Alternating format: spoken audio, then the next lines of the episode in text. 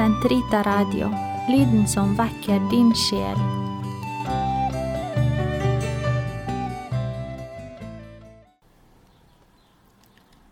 Den katolske kirkes katekisme, uke 21, fredag, paragraf 2030 til 2040.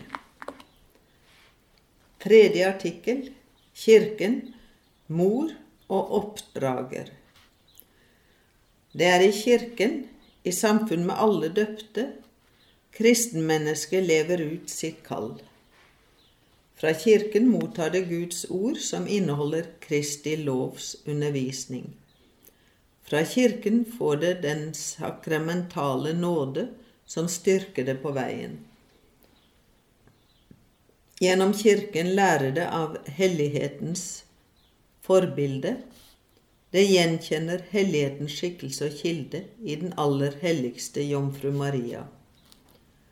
Det skjelner helligheten i det sannferdige vitnesbyrd fra dem som lever etter den.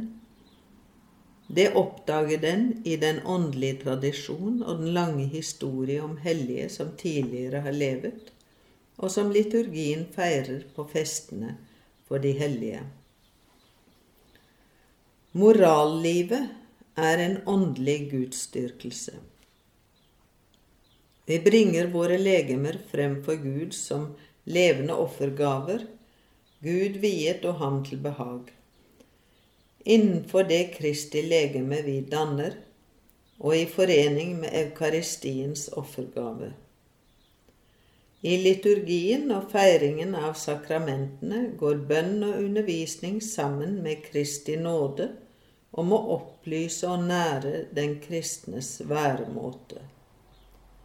Det moralske liv, på samme måte som kristenlivet i sin helhet, springer ut av og når sitt høydepunkt i det eukaristiske offer. Moralliv og Kirkens læreembete. Kirken, sannhetens støtte og grunnvoll, har av apostlene mottatt det høytidelige påbud fra Kristus om å forkynne den frelsesbringende sannhet. Det tilkommer Kirken overalt og til alle tider å forkynne moralprinsipper, også i saker som angår den samfunnsmessige orden, og å dømme om all menneskelig virkelighet i den utstrekning grunnleggende menneskerettigheter og sjelenes frelse gjør dette påkrevet. Læreembetet til Kirkens hyrder i moralspørsmål utøves vanligvis i trosundervisningen og forkynnelsen, med støtte i teologers og åndelige forfatteres arbeid, arbeider. På denne måten er den kristne morals skatt blitt videreført fra slektledd til slektledd under hyrdenes ledelse og oppsyn. Den består av en særpreget samling regler, bud og dyder som utgår fra troen på Kristus, og som levendegjøres av kjærligheten. Slik trosundervisning har vanligvis, ved siden av credo, og Fader vår tatt utgangspunkt i dekalogen som knesetter moralprinsipper som gjelder for alle mennesker. Den romerske pave og biskopene som sanne lærere iført Kristi myndighet, forkynner for sitt folk den tro det skal motta og sette ut i livet det vanlige og allmenne læreembetet som utøves av paven og de biskoper som har fellesskap med ham, lærer de troende den sannhet som skal tros, den kjærlighet som skal øves, og den salighet det skal håpes på. Den høyeste grad av delaktighet i Kristi myndighet sikres gjennom ufeilbarlighetens nådegave.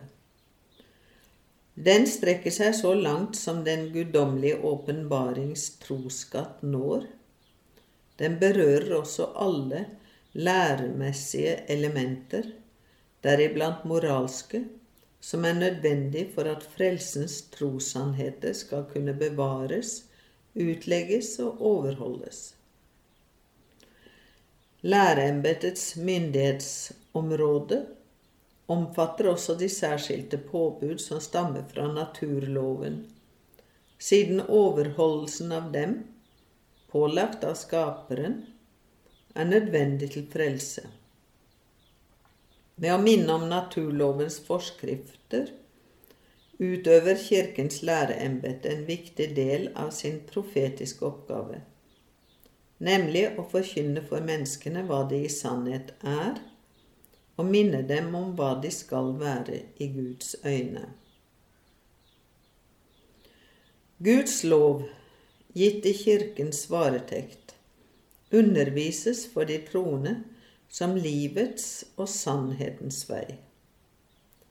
De troende har altså rett til å bli undervist om Guds frelsende påbud, som renser omdømmet og med nådens hjelp helbreder den sårede menneskelige fornuft. De har plikt til å rette seg etter de forordninger og bestemmelser Kirkens rettmessige myndigheter utsteder. Selv om de er av disiplinær art, krever slike forføyninger føyelighet i kjærlighet. I sin undervisning og tilretteleggelse av kristen moral tegner Kirken iver fra hyrdenes side, viten fra teologene og trenger Kirken. Iver fra hyrdenes side, viten fra teologene og bidrag fra alle kristne og mennesker av god vilje. Troen og omsettelse av evangeliet i praksis gir alle en erfaring av livet i Kristus, som opplyser dem og setter dem i stand til å betrakte guddommelig og menneskelig virkelighet i samsvar med Guds ånd. Slik kan Den hellige ånd bruke enkle mennesker til å opplyse de lærde og dem som står høyest i verdighet. Embetene må utøves med et sinnelag preget av broderlig tjeneste og hengivenhet til Kirken i Herrens navn. På samme tid må den enkeltes samvittighet, når den foretar en moralsk vurdering av egne handlinger, unngå å lukke seg inne i individuelle betraktninger. Etter beste evne må den stille seg åpen for å ta alles beste i øyesyn, slik det kommer til uttrykk i den moralske lov, den naturlige så vel som den åpenbarte, og følgelig i Kirkens lov og i læreembetets autoritative uttalelser i moralspørsmål.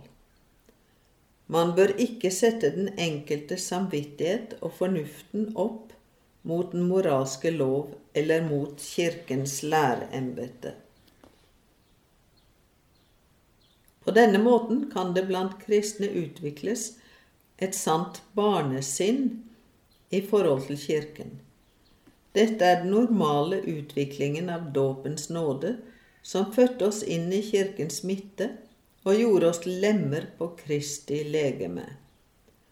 Med moderlig omsorg formidler Kirken Guds miskunn til oss, den som overvinner alle våre synder, og som særlig virker i forsoningens sakrament. Lik en kjærlig mor overøser hun oss hver eneste dag med næring fra Herrens ord og eukaristi.